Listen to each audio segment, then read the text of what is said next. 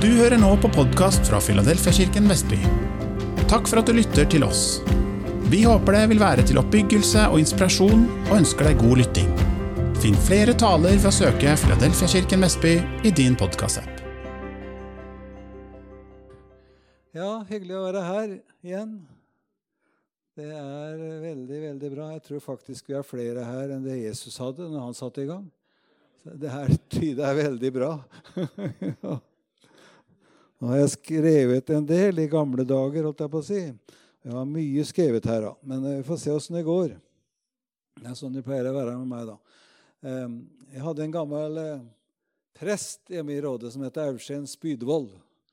Han eh, reiste land og stand rundt for Menighetsfakultetet og var en prest under krigen i Rådet og var en veldig bra mann. Sykla mye eh, rundt Vornsjø og greier. Og, ja, ja. Men eh, så kommer han på bedehuset en dag, og så da er han blitt pensjonist. Og så Det er jeg blitt òg. Endelig.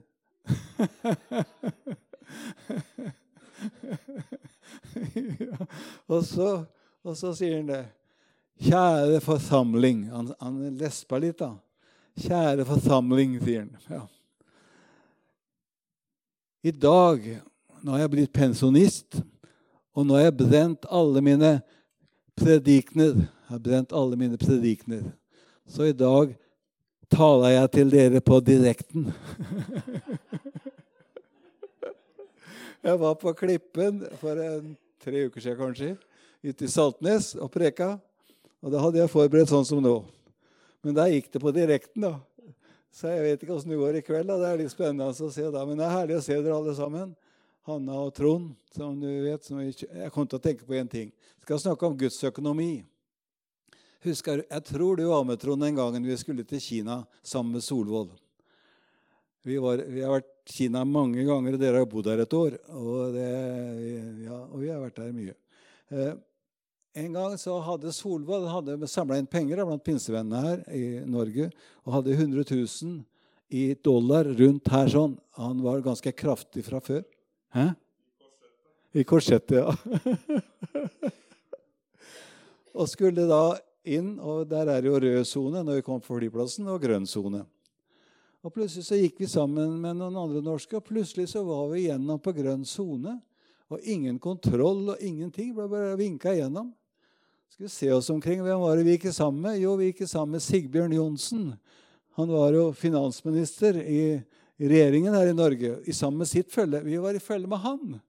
Du tenker, Det var bra. vet du. Der gikk 100, 100 000 norske kroner da, direkte igjennom. For at Gud leda oss igjennom med pengene til misjon i Kina. Fantastisk. Vi har opplevd mye greier, Trond. Ja, det har vi gjort. Og så er det jo Liv Randi, da. Så, og, og, ja, og, nei, Liv Ingrid. og Paul, som er så mye nede hos oss på Gran Canaria. Jeg sier oss, ja, for at det er blitt sånn etter hvert. Men eh, ja, Powell har jo vært der, og familien. Ja, visst er det det. Er det andre som har vært på Gran Canaria her? Du, ja. Deg, ja. Jeg, jeg så, ja, ok. Eh, men nå er vi her, og det er vi så glad for. Forrige gang så sto vi der. Det er ikke, Jeg var her forrige sommeren en tur, og så har vi vært der før, da. Men det er så bra med forandring en, en, menighet som tåler Eller som eh, Ja, som tåler forandring. Det er en god menighet. For forandring kommer det til å bli, har vært og kommer til å bli. Det blir aldri som før. Men det kommer til å bli noe helt nytt. Og hvordan det blir, det vet vi ikke riktig, men han vet. Og det holder. Himmelske Far. Takk at du er vår eh, forsørger, vår El Shaddai. Du er mer enn nok. Du er raus. Du er en giver. Du gav oss Jesus og gjenopprette forholdet mellom deg, Gud, vår Far, og oss. Takk skal du ha, Jesus, at du kom. Takk at du sona all min, all verdens synd. Takk, Herre, at vi har det gode, glade nyheter å forkynne. Takk, Jesus, for denne menigheten, Herre. Takk for ethvert medlem som er, de som har vært, Herre. og de som komme skal. De som er på vei inn i Jesus. Velsigne barnehagen, velsigne alle medarbeidere, alle som er i tjeneste her. Takk at du har forsørget og vil forsørge. Vi ærer de som har gått foran, Herre, og som vi får lov til å nyte fruktene av deres innsats, deres bønn, deres gaver. Takk, Herre, at vi står i en stor sammenheng, bare her i Vestby, men også her i Norge og i hele verden, Jesus. Takk at vi tilhører et Guds rike som har den beste framtid av samtlige riker som fins, som vi kan tenke oss. Takk, takk, takk, Herre, at vi kan løfte blikket, se oppover, ha evighetens perspektiv over våre liv og få lov til å fryde oss og glede oss i frelsen og vite at du er med oss alle dager, alle slags dager, at du vil vekst og du vil framgang. Og så sørger du for oss i Jesu navn. Amen. Det kom, eh, Her sitter det mye bra folk, da. Det er jo bare bra folk. Bengt Wedemann vet jeg, sa det til han en gang. Det er mye bra folk her. Magne, alle folk er bra, sa han. Og det er sant, alle folk er bra. Du og jeg er skapt i Guds bilde. Og det er lagt noe fra guddommelig ned i hver eneste en av oss. Og jeg var så glad jeg fant i stad at han hadde preka om være raus her i april. Og det var veldig fint, Hanna. Det, og jeg skal også snakke om eh, en raus Gud. En Gud som er raus, og som er bare er god. Jesus sa jo det. Han er bare god. Ja. Og så er det jo sånn at eh, en dag her så ringer en som du vet om hvem er, men jeg bør ikke si det til noen. Han ringer til meg og så sier han at ja, ja, eh, han skulle på en kampanje sammen med en annen, men han forkynner ikke sånn som meg, sa han. Og Da tenkte jeg jeg skulle sagt, men jeg sa det ikke, men jeg tenkte jeg skulle sagt Kanskje han har sett mer i ord enn det du har? men det sa jeg ikke. Jeg sa vi er alle underveis. Det var en litt penere måte å si det på. Men jeg sier det fordi at det er ydmykhet overfor dere som sitter her, som har kunnskap om det jeg skal prøve å si. Dere har, dere har sett, Noen av dere har sett, kanskje alle, har sett mer enn det jeg har sett, men jeg legger fram ordet sånn som jeg har sett det. Og så blir det pause her, og det kunne jo vært hyggelig hvis noen av dere hadde et vitnesbyrd om noe av det vi snakker om her, som har med Guds forsorg å gjøre, som har med Guds økonomi å gjøre. Eh, ja, det hadde vært fint om de kom med det. Så eh, ja Bra.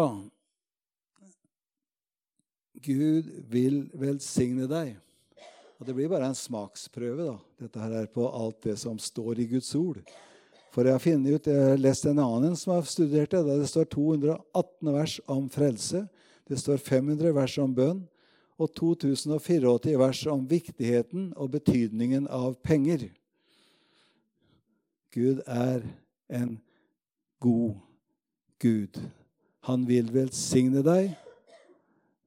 Rikdom skader ikke om du bare forvalter den slik som Guds ord sier. Det er godt å ha en GPS, en veileder, som kan gi oss det beste oppskrift for liv, og for også dette med penger og med midler og med ressurser og hele tatt sånn. Ja. Det er jo ikke pengene som eh, er roten til alt ondt. Det står jo noe om det. vet du, Paulus sier noe om det. Men det er kjærligheten til penger. Og det er en fare for Norge i dag. Det, det kan det være for noen enhver. For at eh, du vet, eh, det er fort gjort å begynne å bygge gullkalver, sånn som Israels folk gjorde det når Moses ble borte ja, og ikke kom igjen. Men han kom jo igjen da. Men i alle fall, kjærligheten til penger den, eh, Jeg hadde en gammel eh, bonde hjemme på bedehuset Betel i Rådhus, hvor jeg vokste opp. Han forkynte, så han sa den gangen at nå må du passe dere da, for at eh, vet, bønder og gummistøvler og lere det hørte med på gårdene hjemme i rådet der jeg vokste opp. Må passe på da, sånn at det ikke får for mye møkk på beina så det blir igjen her på jorda når han kommer for å hente oss. Og det er vel det han tenkte litt på, da. Det kan fort gro fast her. I, uten at vi tenker det, så glir vi liksom over i å nesten bli avgudsdyrkere. Det kan være mange forskjellige ting, det. Ja. Så vi gror fast her på jorda. Må passe, må passe, Magne, du må passe deg på det. Og Frøydis. Og, og barna våre òg. Den ene har båt, to båter og ha bil, tre biler, ikke sant? eller fire kanskje, og, så, og hytte her. Og, og, og, sånn og sånn. Jeg blir jo snart bare vaktmester for å passe på allting. Det er en fare. er du enig? ja, det er Ja, ja, ja. Sånn er det, vet du. Men iallfall, vi må passe på at vi ikke Kjærligheten til penger. Nei, det er ikke det som er løsningen. Min Gud skal etter sin rikdom i Filippenserne 4,19 fylle all deres trang i herlighet. Det gjelder all trang, men også dette med det vi trenger av midler. Ja. Menighetene er jo så på rett spor som jeg har opplevd. Jeg husker jeg var nede på, i Vestby, nede ved stasjonen der, og på det nødhjelpslageret. Et par ganger har jeg vært der. I fjor, ikke i år, men i fjor sommer. Og titta på folk som jobba der nede. Det var utrolig hvor gode dere er til å dele ut nødhjelp. Til å kjøre av gårde til Øst-Europa og ja, det er vel Ukraina og Hviterussland, er ikke det? Ja. Eh, siste nå, ja. ja. Du skjønner, dette med nødhjelp det ligger så Gud på hjertet. Vi hadde jo det i, i Moss Bibelsenter òg. Eh, det hadde vi. Og um, Husk bare på de fattige, sier Paulus. Og den som gir til det fattige, står det i ordspråkene, tror jeg, han låner til Herren. Herren blir jo ingen skyldig, vet du. Han velsigner tilbake, han. Ja. Og Jesus hadde jo og det gjort det mot en av disse mine minste. Det gjelder jo ikke bare nødhjelp, det gjelder jo her òg. Jeg tenkte på barnehagen og andre ting.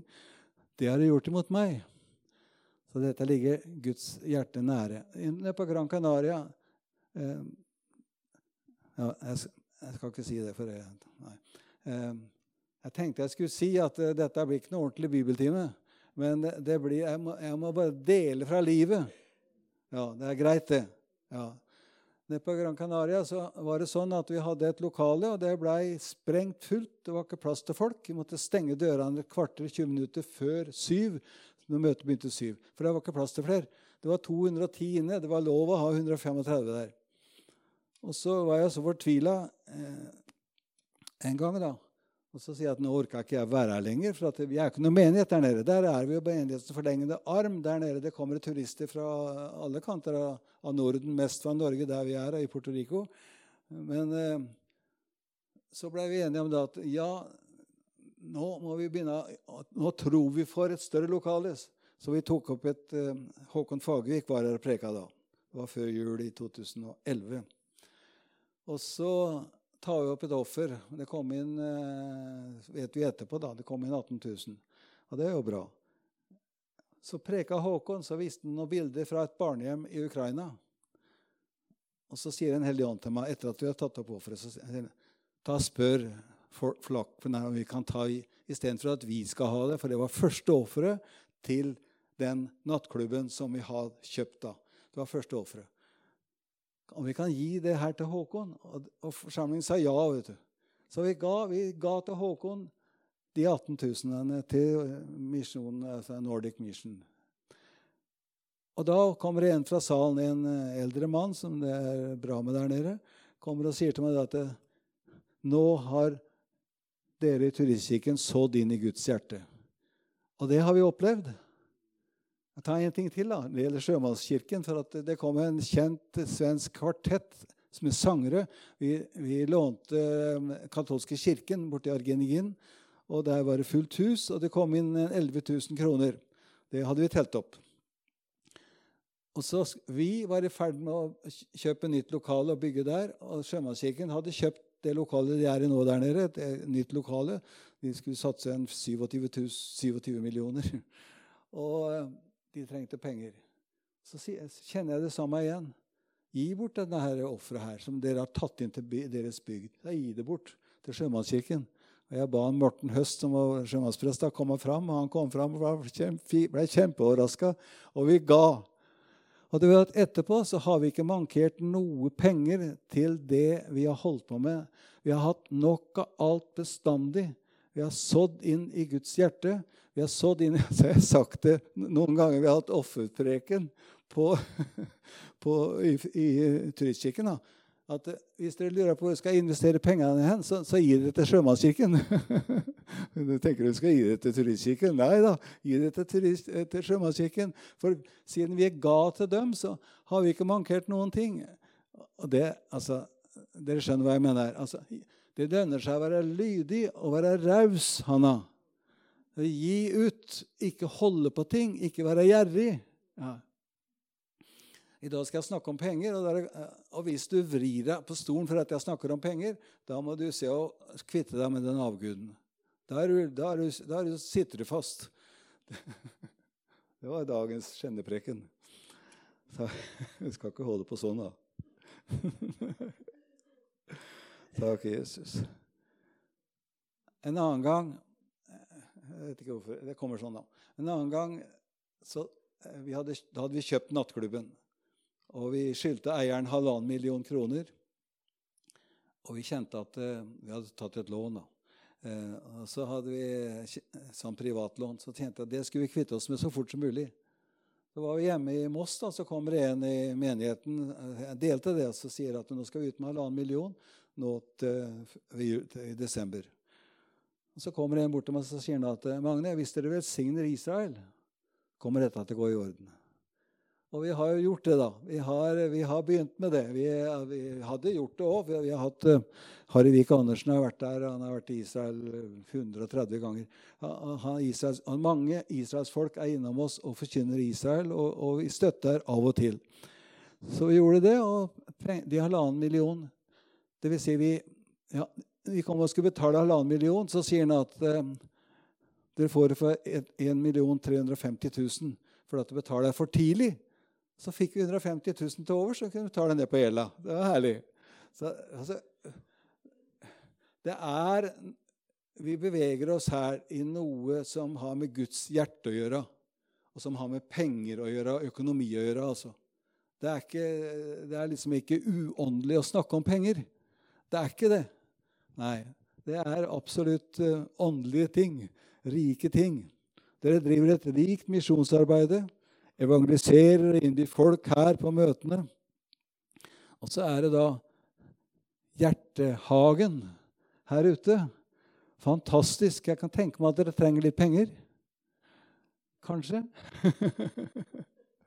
Hadde ikke vært gærent å betale den kontant, men det er det nok ingen som kanskje har tenkt på ennå.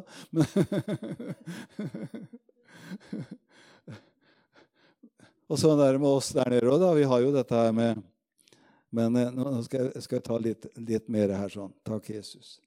Halleluja. Jeg må nesten ta det med det samme òg, da. Dette med, Jeg tar vitnesbyrdet først her. sånn. Eh, dette med nødhjelp. Vi hadde jo en trailer i Moss Bibelsenter som kjørte nødhjelp til Øst-Europa. 35 lass var vi av gårde med før, før det ikke gikk. Vi fikk en sjåfør. Jeg skal ikke skylde på noen ting, men i fall så ble det sånn at det gikk ikke noe særlig bra økonomisk. Vi skyldte 350 000 kroner. Og så drev vi Moss nærradio, dekka eh, bygdene rundt der nede. da, og, og det gikk også ikke så veldig bra. Vi hadde jo trodd vi hadde fått det fra Gud, og det gikk dårlig, og noen sa, og det var AUS, begge deler. Så sa, Noen sa la, la, det gå konkurs, men jeg kjente at nei, Guds rike går ikke konkurs. Det er ikke riktig. Så vi ba til Gud, og så var det akkurat da vi skulle ut av vi skulle ut av der vi var, vet du. Det, ja, det som i dag er bohus. Ja, der skulle vi ut. Og han eiendomsutvikleren som skulle ordne med det eh, Vi hadde fem år til vi kunne være der. Han var redd at vi ikke ville flytte. Så uh, utpå høsten, da, så, uh, etter at fem år var gått, så kommer det og sier at hvis dere flytter ut nå til jul, så skal dere få 700 000 kroner. Wow, tenkte jeg. Og vi flytta inn i Riggeveien 96, ikke sant? Som, det, som, vi har i dag fortsatt. Da sørga Gud for Vi hadde ikke bedt om det engang. at vi fikk 700 000, 350 000 til transporten og 350 000 til radioen. Gud sørga for oss. Vi hadde hørt fra himmelen, trodde vi, da. Men vi lurte fælt når vi skjønte at det gikk galt. Men vi trodde det, men sannelig hadde vi hørt fra himmelen. Ellers var det Guds nåde og Guds raushet. De folka det er så sønn på, så de gir vi 700 000. Så de får kvitta seg med den gjelda. Men det, det er sånne opplevelser med Gud gjør at du blir så ydmyk. Du blir så liten. Og så blir Gud så stor og mektig, og så gir det deg en trygghet i Gud da, som gjør at du, er, du kan stole på han. Han er til å regne med. Han er med oss. Ja, halleluja. Lovet være deg. Det er ingen grenser for hva Gud kan gjøre gjennom en menighet som står på Guds ord, som har fått Guds ord, fått visjonsord, står på det, som står sammen i enhet. Og det forløser en kollektiv salvelse som gir en giverglede i forsamlingen. Det er viktig folkens, dere som er i ledelsen, at det står i enhet. Det gjør dere. Jeg merka det med en gang når jeg kom inn her. Disse tre karene som jeg har møtt uti her. sånn, Dere står i enhet, og det er en del andre òg. Viktig å stå i enhet, stå på Guds ord. Salvelsen forløser en glede og en begeistring. Begeistringen over det bygget her, som kommer her ute. Tenk å satse på kommende generasjoner. Dine, nå, skal vi, nå, skal jeg, nå, skal jeg, lese litt her. Det er Guds ord, en del Guds ord her. Vi høster det generasjoner for oss, oss har sådd. Nå er det vår tur til å bringe evangeliet videre. Så Her kommer det noen tanker da, om Guds ord til å oppmuntre oss. Dine penger du investerer, gir inn i Guds rikes arbeid, vil fortsette å gi frukter etter din død og bringe mennesker til Jesus. Herlig. De fleste av dere har ikke vært med på bygd her. Det er andre som har bygd. Dere tar over. Det gjør oss ydmyke og glad og takknemlige og ærer de som har vært foran oss. Ja, Sånn er det. Men nå er det vår tur. Ja, i 2. Korinterne 8, vers 9-12 skal jeg lese i Jesu navn. For dere kjenner vår Herre Jesu Kristi nåde, at da han var rik, ble han fattig for deres skyld, for at dere ved hans fattigdom skulle bli rike. Og her vil jeg gi dere et råd.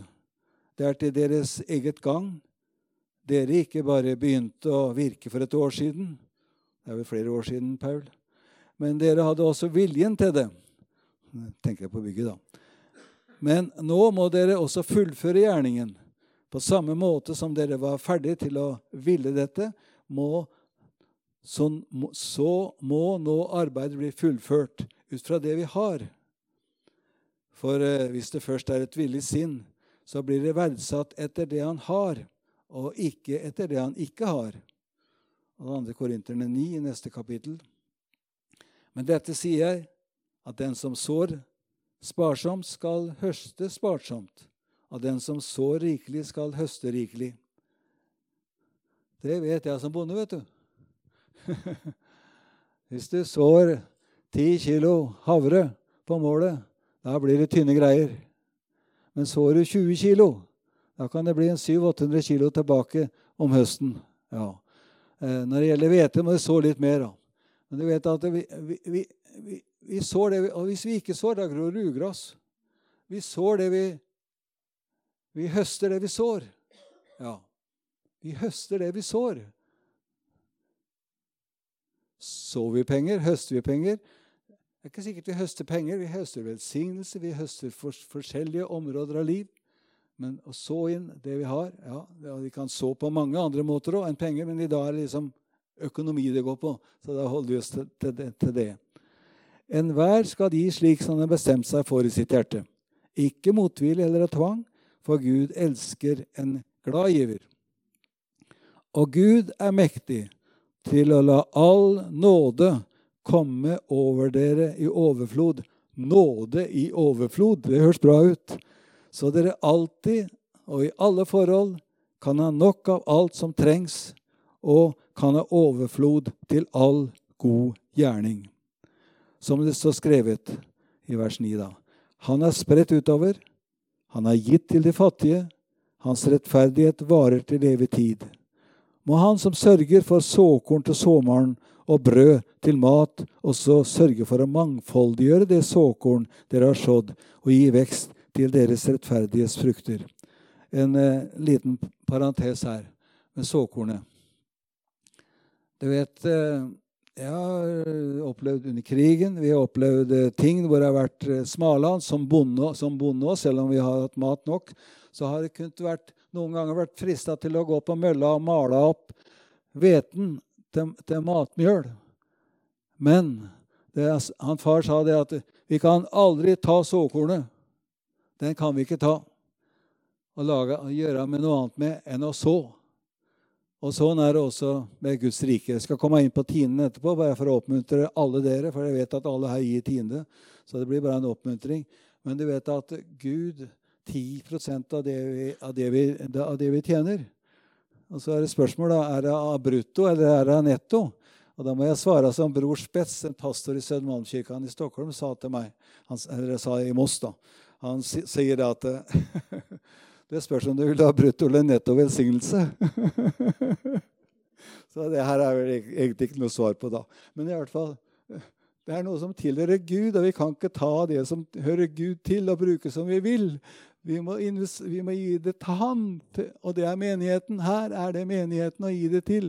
Ja, ok. Vers 11. Og slik skal dere bli rike i alle ting, til all gavmildhet, som virker takksigelse ved oss til Gud. For hjelpen som denne tjenesten gir, fyller ikke bare eh, behovene til eh, de, som de hellige har, men den skaper også overflod ved manges takksigelser til Gud. Du har ingenting med deg dit du går, en sang som vi også synger det. Så fortsett å så inn i Guds rike og gi til det fattige. Velsigne Israel. Dine penger og mine penger som jeg så din her, det gjør at du er med å spre evangeliet etter at vi har flytta til himmelen. Fantastisk. Se evighetsperspektiv på det du investerer. Tenker at du gir, du gir kanskje 100 kroner eller du gir 1000 kroner, eller hva du gjør. Tenker at det er liksom bare gir ut sånn. Men det er, det er, det er noe evig det er noe evig ved det. Det er en verdi. Det er en verdi med det. Verdens økonomi har frykt i seg. Det ser vi nå om dagen. Er det resesjon det heter? Som kanskje er på vei sånn som det var i 30-åra. Vi vet ikke det, men det Børsene går ned. Men invester i Guds rike, vet du. Der er kursen, der går kursen alltid oppover. Det er ikke Det beste sted du kan investere i, det er i Guds rike. Er du en sånn en spekulant som skal investere, så bruk og prøv. Malaki sier jo det. vet du, Prøv meg på den måten, sier Herren. Se om jeg ikke vil åpne himmelens lys. Jeg ble minnet om det ordet i stad vi kjørte hjemmefra. For der var himmelens hølja ned i rådet. Det gjorde det ikke her, da. Men det, det regna som Prøv meg, sier Herren. Bring hele tiden inn i, inn i forholdshuset, står det i Malaki 3. Eh, og prøv meg på denne måten om ikke jeg skal åpne himmelens sluser og øse velsignelser utover dere. Ja, Så prøv meg på den måten. ja, sier Herren. Invester i, i Guds rike for det går aldri konkurs. Det er prognosene der.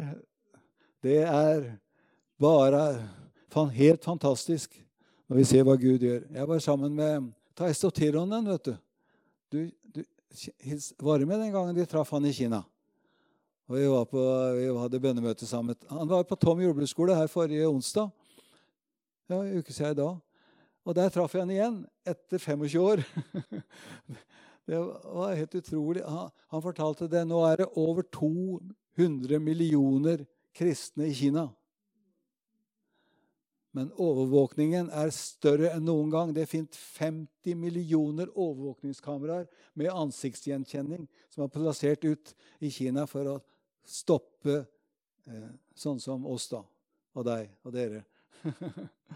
som forkynner Guds ord, blant annet. Men eh, Guds rike går fram. Det er ingen som kan stoppe Guds rike. Nei. Jeg har sagt og sier igjen. Altså, hvis du vil se ekte kristne, så må du bare dra til Kina. Altså. De Ja. Amen. Lukas 11 sier Jesus sier der, Skaff dere venner ved hjelp av den urettferdige mammon. slik at de kan ta imot dere i de evige boliger når det mislykkes.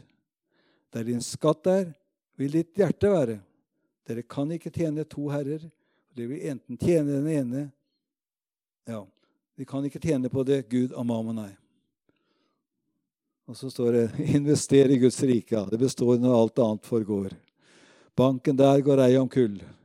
Aksjekursen peker, peker alltid oppover. Første Tim 6, 17-19. Hvordan går dette, Trond? Skal jeg holde på litt til? Jeg får synge meg ned når jeg blir for gæren. Så der står det, 1. Tim 6, 17-19.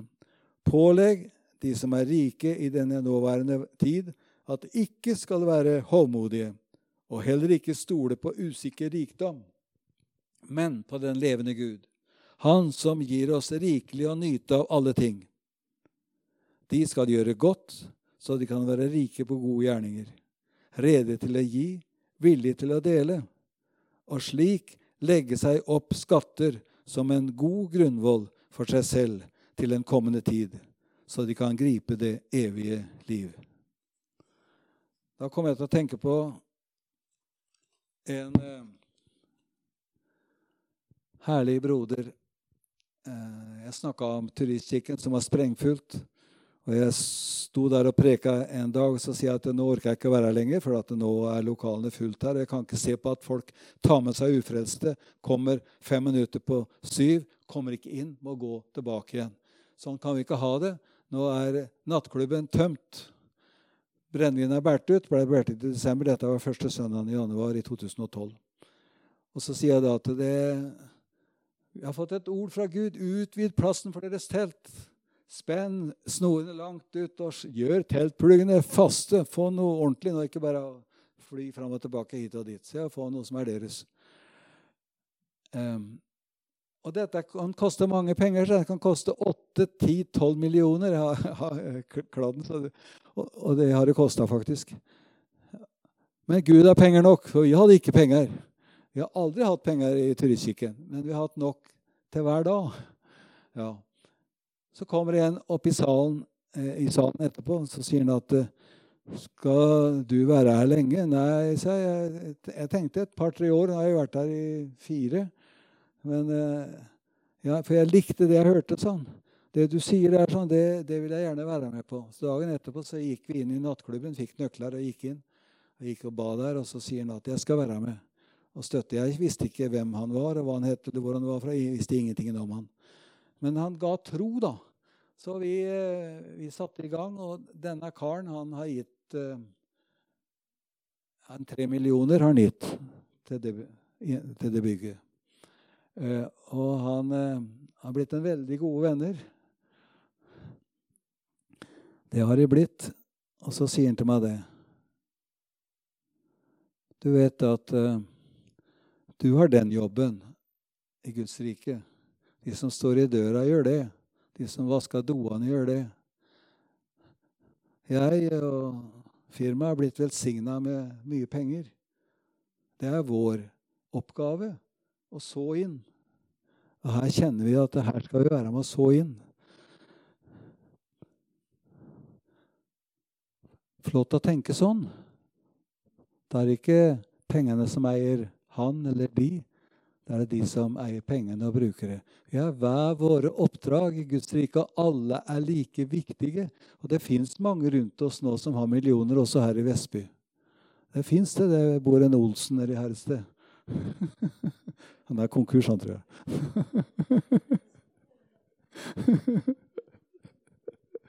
ja.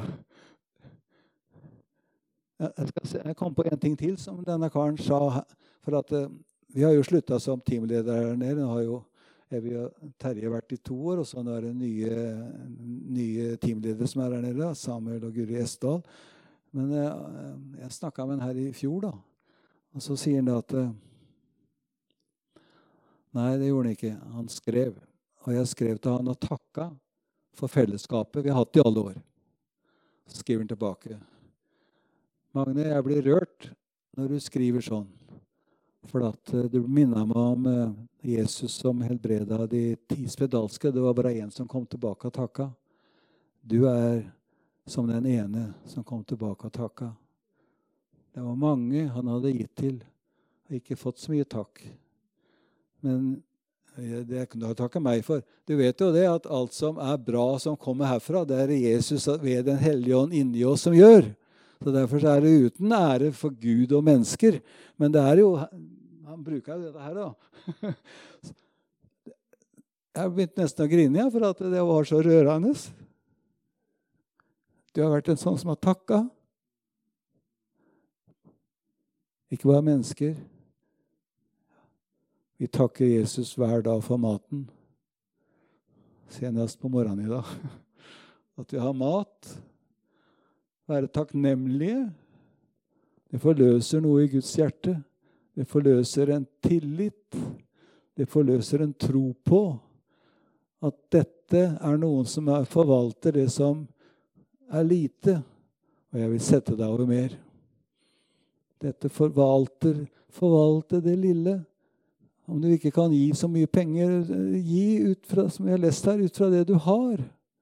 Men gi det med glede og gi det i tro til at han vil mangfoldiggjøre og velsigne. Takk, Jesus. Lovet være deg. Takk, Jesus. Skal vi gi oss der, eller?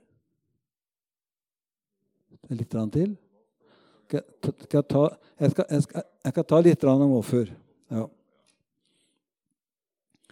Litt om offer. Det, jo, det står jo så mye, vet du om penger og greier. Alle slags ofre i Gamle testamentet kan du jo lese opp og ned om all slags offer eh, som det var. Og yppersteprestene bærte inn det viktigste offeret, og så vet vi det at så kommer jo Jesus. og Det er det som Det viktigste av alle offer, det er at Gud ga sin sønn.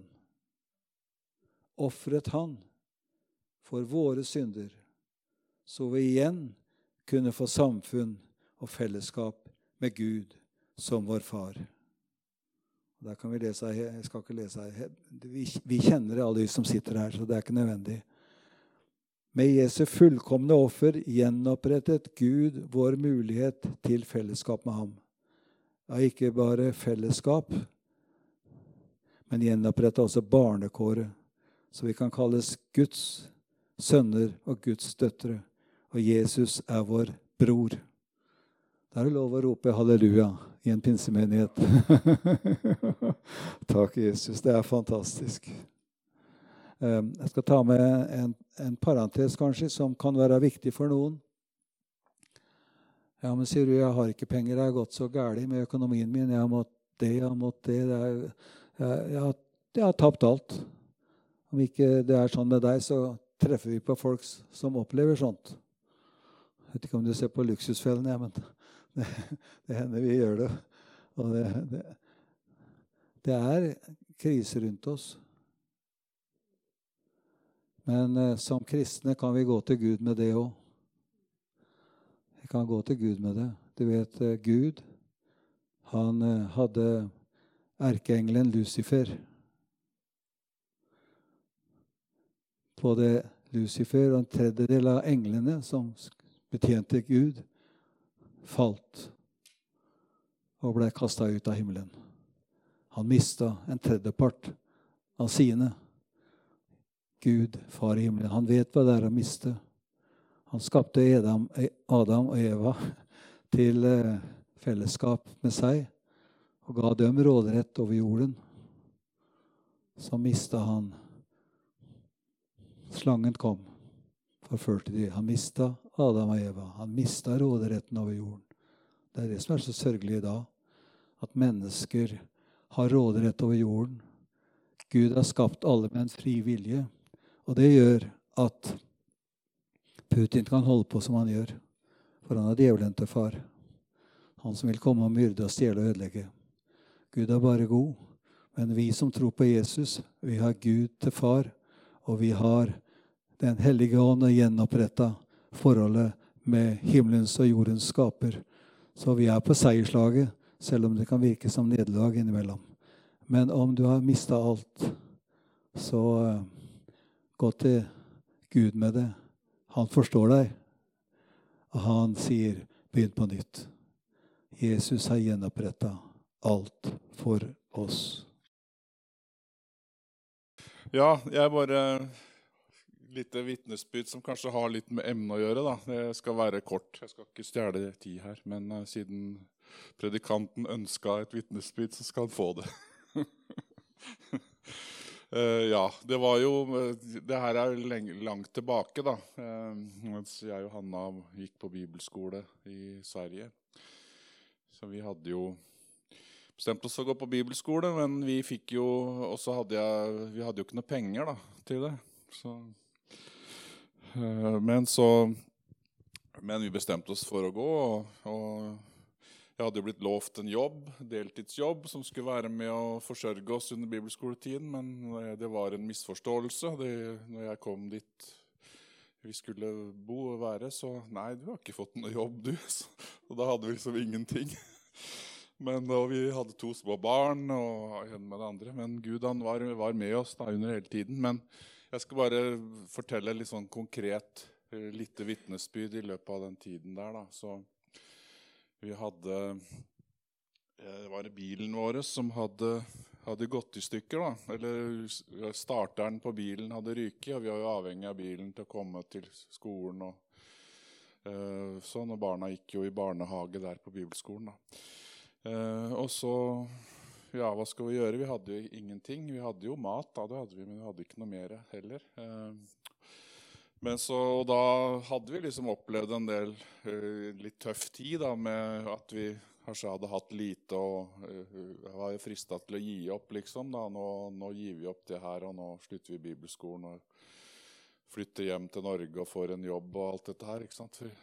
Så, så tenkte jeg nei, jeg skal ikke gjøre det. Jeg opplevde at Gud, du har sagt at vi skal gå her på denne bibelskolen. og da skal jeg jammen fullføre det òg. Så var jeg veldig frimodig i min bønn. Da. Jeg ba Gud nå må du, nå må du uh, hjelpe oss med det her. Vi skal betale skolepenger og, og, og, og den her starteren. Jeg, hadde, jeg måtte betale skoleavgiften, og ja, det hadde vi heller ikke gjort. da.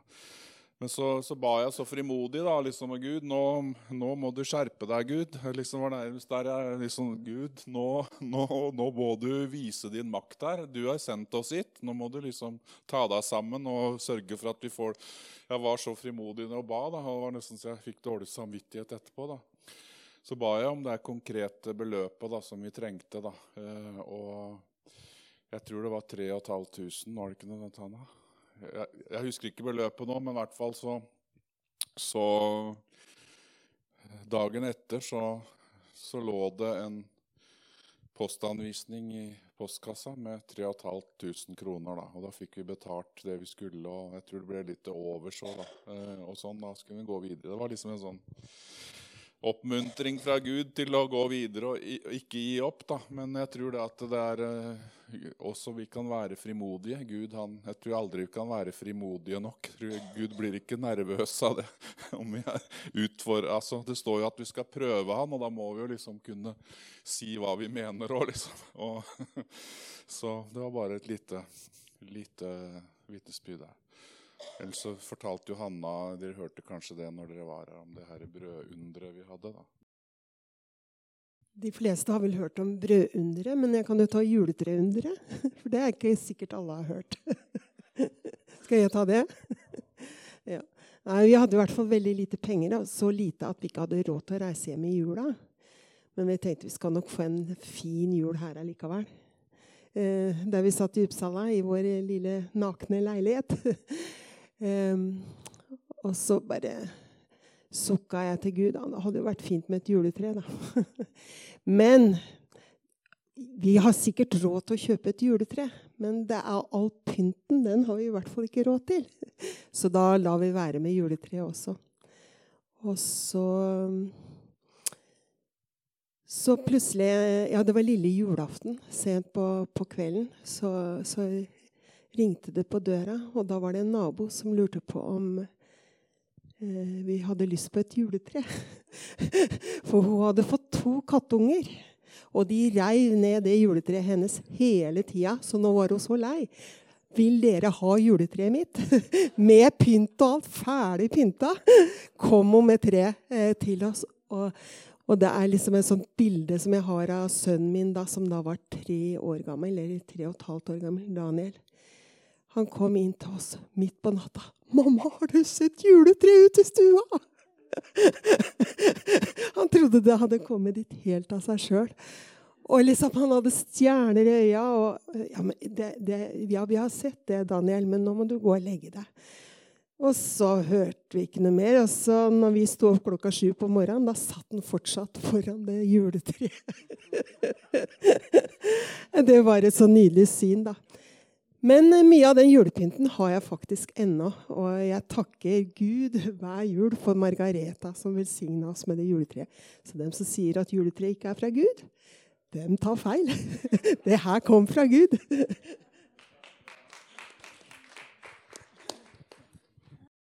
Jeg må nesten fortsette da med en historie fra Turistkirken til. da. Vi, jo, vi var et lokale der som vi hadde pussa opp, da, et grønnsakslager. og På veggene der satte vi på en sånn bord med fliser nederst. Eh, så begynte de å ramle av. Så viste det seg at de som hadde mura der, de hadde tatt sand eh, på stranda. Og der var det salt i, vet du. Så det begynte å slå ut. da, så det, ble, det, gikk, det begynte å bli hull på veggen, rett og slett. Så vi måtte pusse ned og sette på en, en flisbord. da, Fikk eh, et anbud på 28 500 kroner. Vi hadde ikke noe penger, men vi satte i gang å gjøre det. da. Og så plutselig så kommer det 30 000 inn på kontoen fra en på Sørlandet. Vi hadde jo bedt, selvfølgelig. Og da så ringer jeg til han. Han heter Jan Rasmussen. Jeg kjente han ikke, trodde jeg, men eh, så sier han når jeg ringer til han, hva, hva kommer det av? Du har sendt oss 30 000. Tusen takk skal du ha. Så forteller jeg han historien, da. Ja, du skjønner, jeg gikk her på kjøkkenet sånn, og blei så minna om at jeg måtte sende 30 000. Så gjorde jeg det. Og så ringer du nå, så det var jo riktig, da. Så sånn er Gud. altså han når, når du blir minna om noe, så gjør det. Frøydesida vi har gjort sånn i kanskje ikke så store beløpa, men i hvert fall har vi gjort det. Og vi kan høste kanskje samme dagen eller samme uka i hvert fall. Mange ganger, også den siste tida, har vi opplevd noe sånt. Så, og det vi har opplevd når det gjelder også turistkirken, det er at når folk gir det de blir minna om, så er det nok så blir du minna, så gi. så enkelt er det.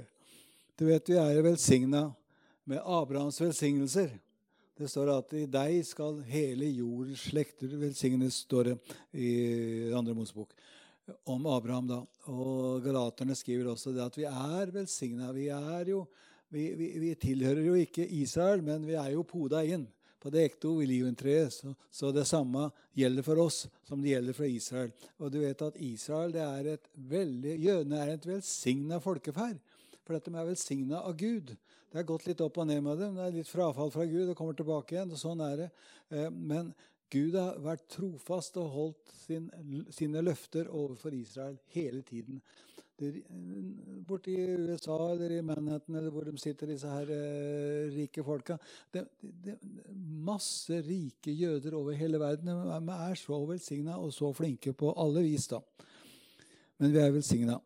Det er vi. I Jesu navn skal vi se. Eh, Abrahams velsignelse, ja. Abraham var en raus type, det òg, vet du.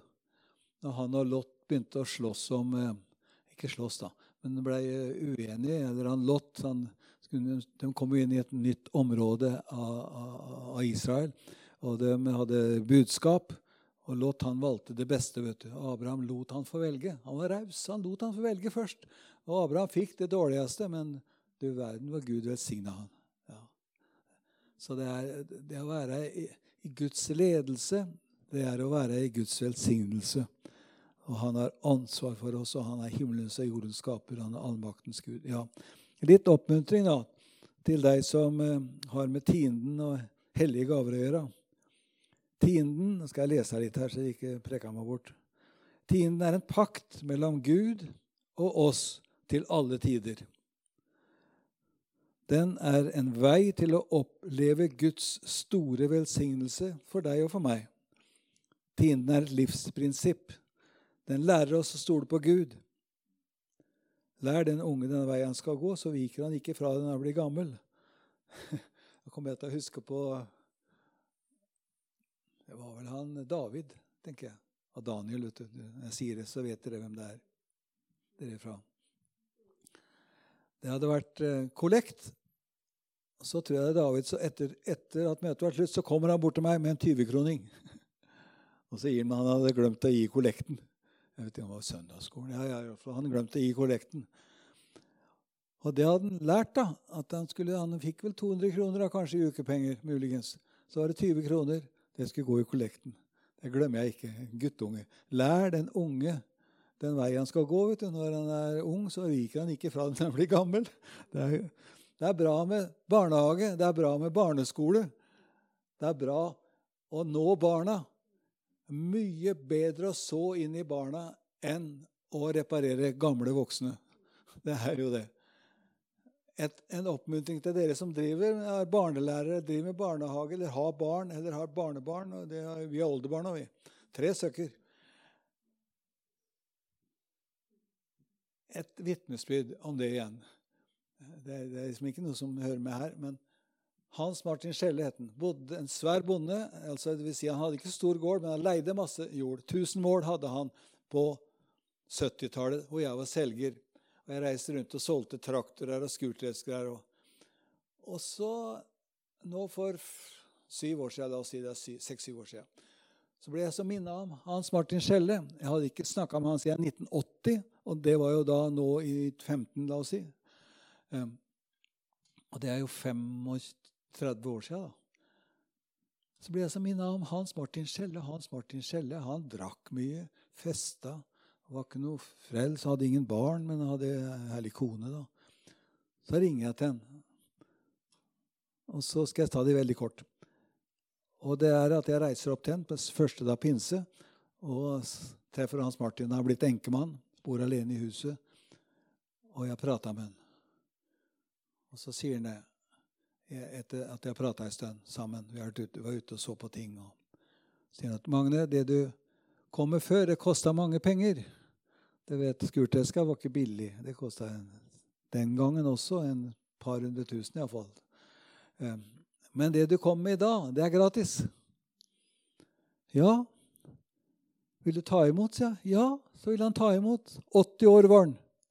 Og tok imot Jesus hjemme i stua si. Og så skulle hun til Thailand, for der hadde han vært den siste vintrene. Sommeren etterpå så ringer han og så sier han at eh, ta med, deg, ta med deg kona di. Du visste jo ikke hvem han var, men vi reiste opp til henne. Så sier jeg til Hans, Hans Martin hva kommer av? Jeg visste jo det at han var en festeglad gutt. Og gikk ikke på bedehus, og ikke foreldra hans heller. Fortalte han. Hva kommer av? Du var så det var så enkelt å lede deg til Jesus. Ja, du skjønner det. Når jeg var 10-11 år, så bodde jeg på samme rom som faren min. Og han, hver kveld så ba han et salmevers. Og jeg har glemt det salmeverset, men en, et eller annet sånt. Eh, dype, stille, sterke, milde, et eller annet sånt. Ja, ja det. Ja. Det hadde sittet der i 70 år siden det ble sådd inn i hjertet hans, hadde det ligget der og ulma 70 år etterpå så høsta vi frukt av det. det, var, det var så enkelt. Så treffer jeg en Det kommer hun, Maria Kemi, en samedame som er veldig kjent oppe i Finnmark. Hadde gifta seg i sine gamle dager med en gammel sjømannsprest, eller sjømannsprest, ja, i Thailand. Så kommer de til Gran Canaria, så spør jeg denne sjømannspresten Du skulle vel ikke tilfeldigvis kjenne en som heter Hans Martin Skjelle? Hans Martin, jo. Det er min gode medarbeider i Sjømannskirken. Da fikk jeg bekreftelse på at eh, han hadde ikke bare tatt imot, men han levde det nye livet og var aktiv med i Sjømannskirken. Fantastisk. En oppmuntring til deg som sår inn i barna, som ikke ser noen frukter og ikke har sett det enda. Det kommer en høst på det som er sådd. Det kommer en høst. Fortsett å så. Fortsett å tro Gud. Så Guds ord. Ja. Dette var litt uh, sånn, da. I gamle paktene all tiende i landet, enten det er jordens grøde, det er trærnes frukt, tilhører Herren. Den hellige ja, det, ja, riktig. Tienden er Guds penger. 90% kan du forvalte som du vil, men 10% tilhører Gud. 10% av alt det vi får i våre hender. Så sa jeg om brutto og netto i stad. Men det kan være andre ting òg. Eh, hvis du har en bedrift, f.eks. det du tar ut i lønn, til egen lønn 10% av det. Eller andre ting. Nå må du jo vurdere sjøl om du skal gi det av penger til eh, fødselsdag eller andre ting. eller hva du vil da. Men det, det er ikke så farlig. Det er en frihet i det her, altså. Men tienden hører Herren til. Åpenbaring om tienden er en nøkkel for å forløse Guds økonomi for endetiden. Den blir aldri gammeldags. La denne åpenbaringen gi lydighet mot ordet og tro til å handle slik Gud har sagt, uansett omstendigheter. Tienden er en nøkkel til økonomisk frihet. Den er en pakt med El Shaddai, den Gud som er mer enn nok. Gud er slik. Han er mer enn nok, ubegrensa, full av liv, full av kjærlighet, og han har inngått en pakt med oss. Han er vår far, vår forsørger, vår kilde. Han er bare god, og han vil gjerne velsigne. Ordspråkene tre står det 'Jeg ærer Herren med mitt gods, med førstegrøden av hele min avling'. Da kom jeg på en uh, ting som vi vi, var, vi, har vært med på i Ungdom i oppdrag mye i løpet av tida. Jeg var på den første familieleiren i 1976 på Grimerud gård. Uh, og var med der og fikk uh, veldig glede av det. Og De hadde kjøpt en stor hedmarksgård. Og De visste ikke så mye og hadde ingenting. Så minna Gud meg om at vi skulle gi en skurtesker til dem. En brukt en, da. Og Så snakka jeg med en som het Anar Hasle i Vartei. Eh, og sier Annar, skal vi gå i kompaniskap? Og så, og så gi Ja, det, det, det syns han vi skulle gjøre. Så sa jeg til Gud Vi hadde sådd høsthvete på et stykke hjemme på Jeg har vært bonde da, hjemme på gården. Og så sa jeg til Gud det stykket der, inntektene derfra, det skal gå til den skurteskeren. Og vet du hva? Jeg fikk toppavling. Jeg har aldri hatt så bra, verken før eller senere. Topp avling, og vi fikk akkurat halve beløpet til den skurteskeren som vi kjørte til veien fra Greåker og opp til Hamar, til Grimerud, på natta. Og ga bort. Og, og, og folk ja, Vi får liksom berømmelse fra det enda. Da. Jeg snakka med Alf Magnus her om dagen. Og, og gårdsbestyreren der oppe var innom. Det, det, er så gøy å gå med Gud og lyde Gud. Det er så, det er så spennende. Det er helt utrolig. Det er liksom, kan gå sport i det her. altså. Prøv meg på denne måten, sier Herren. Løftene ja, Tinene ja, åpner himmelens sluser, som vi sa i stad, over enkeltpersoner, over familier og menigheter. Er nøkkelen en viktig del for å velsigne oss og finansiere endetidens vekkelse. Ja.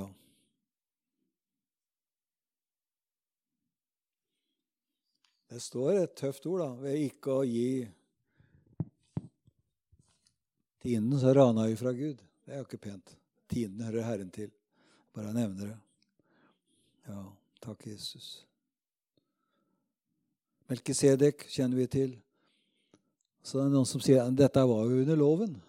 Dette hører jo ikke hjemme i Det nye testamentet. Vet du hva? Dette tienden, begrepet tiendenpakten kom inn 400 år før loven kom.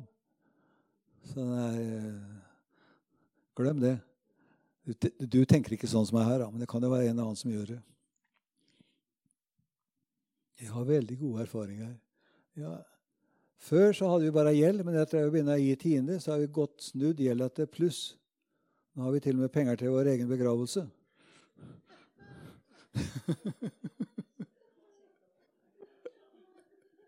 Stå på konto.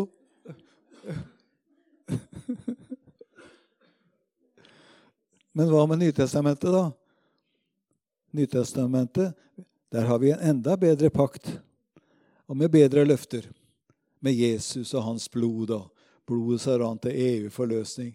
La, oss holde hans pakt, for han holder sin.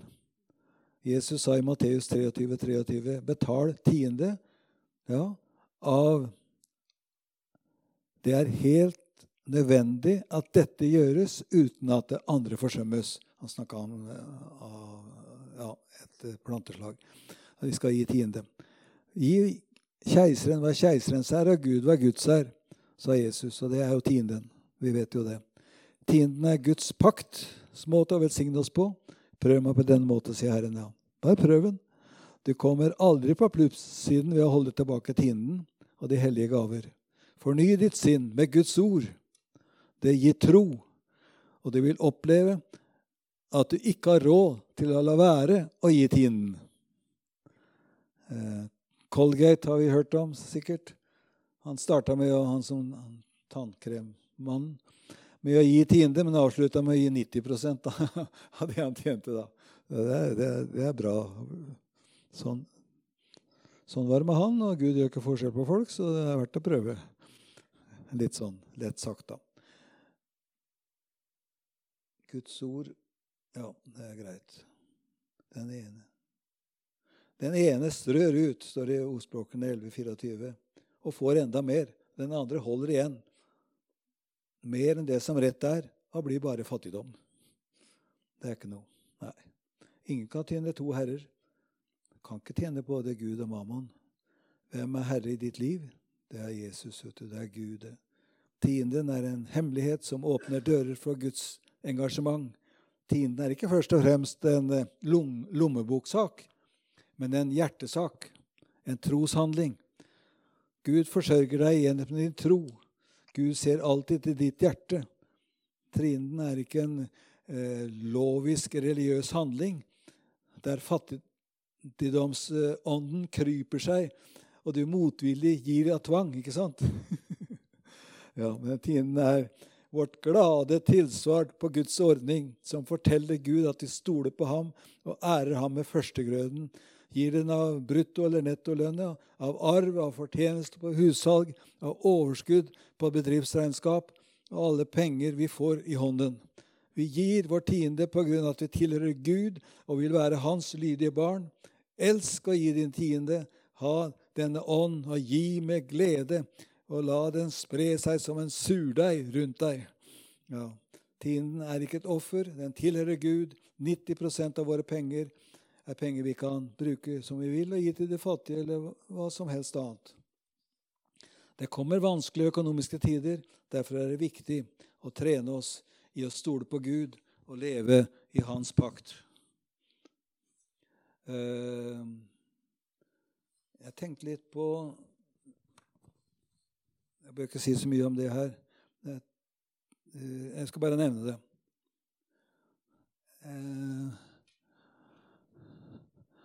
Eh, er det noen her som har kredittkort? Jeg har det. Ja. Men du betaler den 15., da, eller 20. i måneden etterpå. Bensin, f.eks.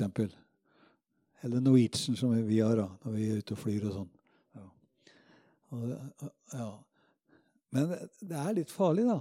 Eh, mange av dere som har sett på Luksusfellen Ja, det er det Bekker rekker på. Vi har gjort det og lært mye av det. Vi lever i en tid med mye penger i omløp, stort privatforbruk. Den ene skal ha det like bra som den andre. Store hus og hytter, siste bilmodell, moteklær. Stakkars foreldre med ungdom, altså. Moteklær og sko. Ja, ikke sant? Jeg, eh, hva heter for noe? Ekko het disse skoene her.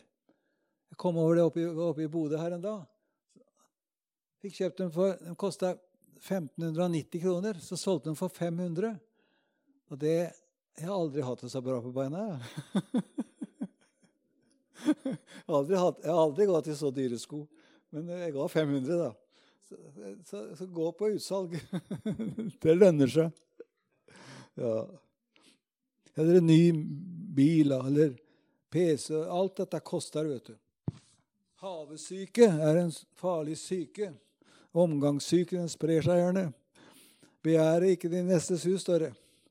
Bibelen kaller det Og Det er en sånn drivende ånd som er virksom i verden rundt oss i dag. Vi skal passe oss så vi ikke blir revet med i det der. sånn. Istedenfor å gi til Guds rike, så fråtser mange i mat og drikke og røyk og usunt levestøtt og egoistisk standard. Sånn er livet i verden. Men vi tilhører et annet rike, som vi har snakka om her. Vi tilhører Guds rike, og vi, vi lar oss ikke drive med i det. Ja, amen. Vet det er reklame, vet du, og det er ja, lån jeg, jeg, har en hel en avsnitt, lite avsnitt her, men det er kort vei fra pluss til minus, særlig i dag. Men er det på minussiden, så går det å komme på plussiden ved å stole på Gud og nøyes med det en har, og leve med evighetens overlys over oss. Vi har alltid det beste igjen himmelen. Hvilket herlig syn. Himmelen, snart så brister skyen. Ja, det blir skjønt å komme dit. Takk, Jesus. Jeg har en, eh, en lesning her om, eh, om 5. Eh, Mosebok 28, som dere kjenner, om velsignelsen. Men dere, dere kan den. Men jeg har lyst til å dele til slutt litt noe tilbake til Gran Canaria. Vi kjøpte den nattklubben. Han skulle ha 16 millioner for den. Vi, det er 650 kvadratmeter lokale i det største shoppingsenteret syd på Gran Canaria. Det ligger på bakkant, heldigvis. Ikke oppe i trafikken, men det ligger i senteret, da. Så det er greit nok. Litt Ja, OK. Eh, vi samla inn penger og vi fikk, eh, fikk, kjøpt det for 9 millioner. Så har vi kosta på. Og det, inventar og alt dette her, sånn, så det er vel investert en 13-14 eh, millioner kroner. I dag så skylder vi 2,5 millioner. Um, vi lånte seks og har betalt ned litt over halve tida, 15 år. Vi har betalt ned halve tida. Men problemet med turistkirken er at vi har bare drift fem og en halv måned på vinteren. Ikke noe på sommeren. Og renter og avdrag går jo hvert år. Går jo hele året. Hver måned. Og det var et problem. Så vi søkte Gud, og vi fikk det her. Med mannapartner. Jan Mosebok skal eh, Nå tenker jeg litt på barnehagen her, eller givertjeneste. Dere har sikkert en givertjeneste, men dette er bare en oppmuntring til givertjeneste. Ut fra det enkle eh, som eh, vi vet alle sammen, at Gud sørga for sitt folk i 40 år i ørkenen. Hver dag. Nok for hver dag. Ikke for mye, men nok for hver dag. Og jeg fikk det hjertet at sånn som Gud sørga for israelsfolket, så vil han sørge for at vi har penger nok til turistkirken. Og hva var det han sørga for de med? At de fikk manna. Manna, Derfor så kalte vi givertjenesten for Manna-partner. Og Her beviser Gud sitt omsorg for sitt folk. De fikk nok for hver dag, kun for én dag om gangen, unntatt lørdagen. Det fikk de da, eh, og for søndagen, da slik at, ja, Da fikk de for søndagen, ja. Fordi søndagen er helligdag, og da kunne de ikke samle inn mandag. I 40 år skjedde dette. Hos Gud er det ingen forandring av skiftende skygge. Han er den samme i går og i dag til evig tid. Det jeg sier her nå, det er bare et vitnesbyrd, altså. Denne, vår Gud, er også vår gode far, som gir alt hva vi trenger til for tid og for evighet. Mannen var så viktig for israelsfolket at det ble lagt i en gullkrukke som lå i paktens kiste. Kan lese Hebreerne 9, vers 4. Paktens ark som var kledd på alle sider med gull. I den var gullkrukken med manna. Videre lå Arons stav som spirte, og lovens tavler der. Dette for at Israels folk til alle tider skulle huske på at de er Guds folk, som Gud har omsorg for på alle måter, ved å gi dem det daglige brød. Mannakorn er et begrep som mange av oss kjenner. En krukke fullt av skriftsteder som vi kunne trekke da. Jeg har brukt eh, Ja. Og hvis du da eh, Jeg slår ordet Jeg skal lese for dere. litt, for, eh, som står i Johannes 6, vers 26-36. Jesus svarte og sa til dem, sannelig, sannelig, sier dere, dere leter etter meg, ikke fordi dere så tegn, men fordi dere spiste av brødene og ble mette. Arbeid ikke for en mat som forgår, men for en mat som varer til evig liv, den som menneskesønnen skal gi dere, for Gud Faderen har satt sitt seil på han. Da sa de til ham, Hva skal vi gjøre for at vi kan gjøre Guds gjerninger? Jesus svarte, Dette er Guds gjerning, at dere skal tro på ham som Gud har sendt. Altså, den største gjerning du og jeg kan gjøre, det er å tro på Jesus, faktisk. Det, sier, det står her, da. Derfor sa de til ham, Hvilket tegn gjør du, så vi kan tro på deg? Hva er det du gjør?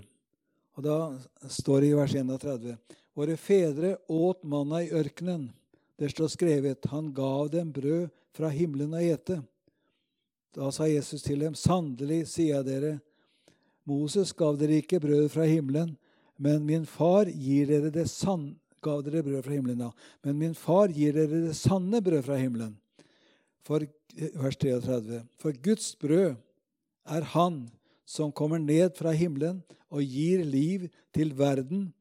Da sa de til ham, Herre, gi oss alltid dette brød. Da sa Jesus, Jeg er livets brød. Den som kommer til meg, skal aldri sulte, og den som tror på meg, skal aldri noensinne tørste. Men jeg har sagt til dere at dere har sett meg og likevel tror ikke.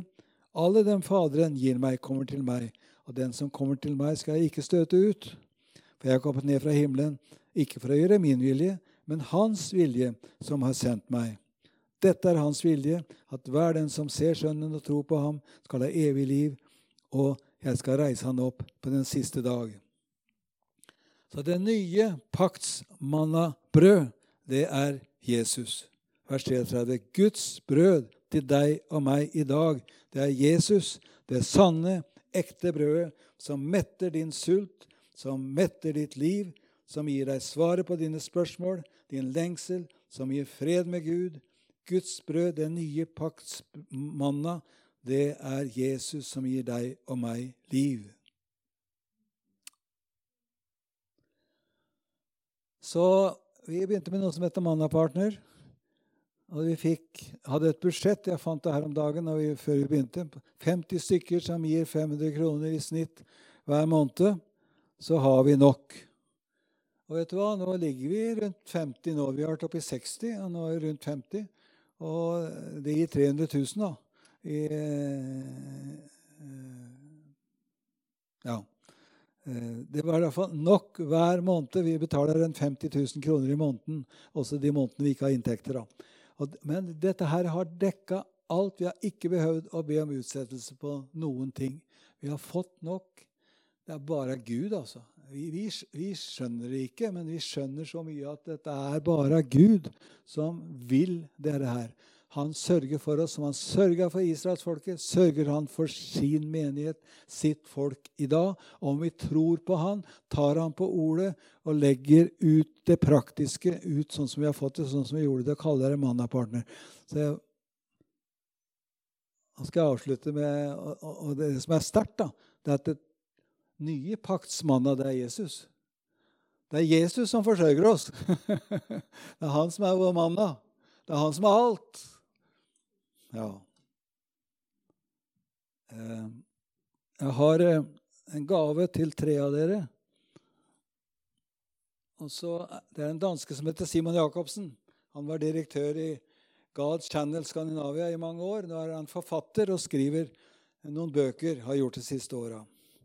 Og han har skrevet et hefte eh, om Magne og Frøydis, om livet, eh, livet mitt. da. Og Baki her så står det noe da om Turistkirken.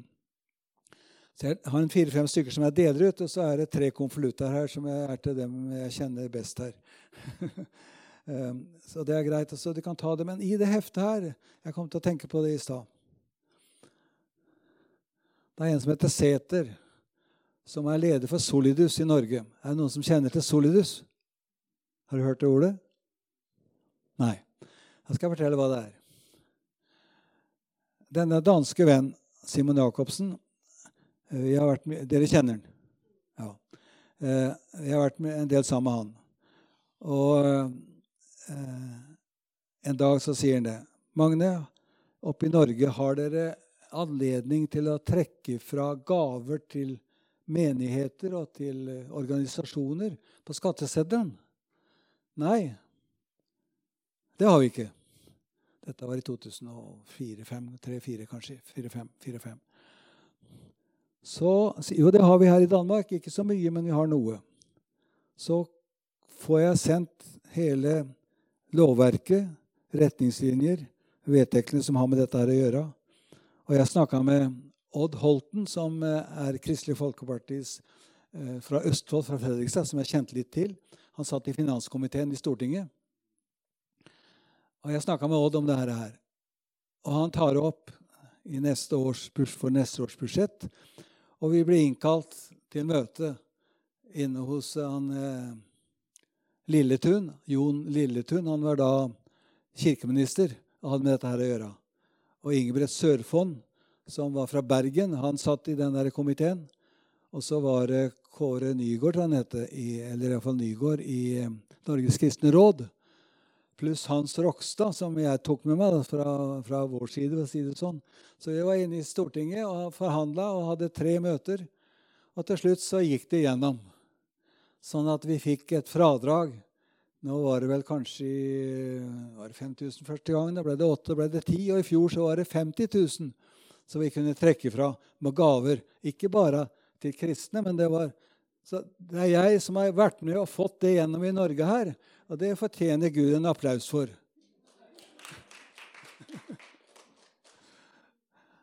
Så, sånn, at, sånn, at, det er jeg, det, sånn sier jeg aldri. Men dette syns jeg er så morsomt. Sæter han er formann i Solidus. Han er leder for Solidus. Han har hytte ute i Saltnes. Han samkjører nå, slik at alle gaver menighetene sender inn til Solidus, dette her, han sørger for at det går til skatte, skattevesen, skatteetaten, så det går et automatisk fradrag. da. Så vi å, vi kan oppgi sjøl òg, men nå går det automatisk. Dette har vært en lang prosess. Og det var Ja. Jeg er igjen bortpå Hva heter han igjen? Nei, samme det. I hvert fall, Dette er så artig. Og så Vet du hva regjeringen har gjort nå? Dette året har de gått ned til 25 000. I fjor var det 50 000 kunne trekke fra. I år er det 25 Og det har jo øka Hva var det han, eh, han Sæter i Solhus sier at det er nærmere én milliard kroner som har kommet menigheter, frivillige organisasjoner, til gode pga. dette fradraget. Mellom 750 000 og 1 milliard sto det i leste jeg i dag. Derfor jeg kom på det. Det er fantastisk hvilken glede det har vært. Men så har den gått ned til 25 000. Og hva gjør Magne da? Da ringer han til Finansdepartementet.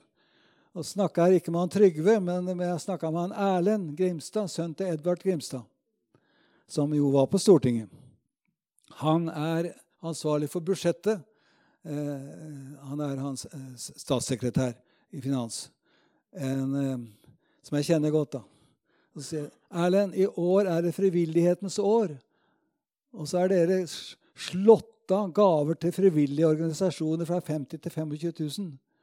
Det går ikke an. Jeg skal se hva jeg kan gjøre av neste års budsjett.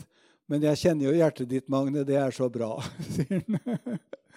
Men jeg syns at jeg hadde et ansvar med å si ifra. at nå sannelig får de ta seg sammen der inne. De bruker penger til så mye greier. og vi har, ja.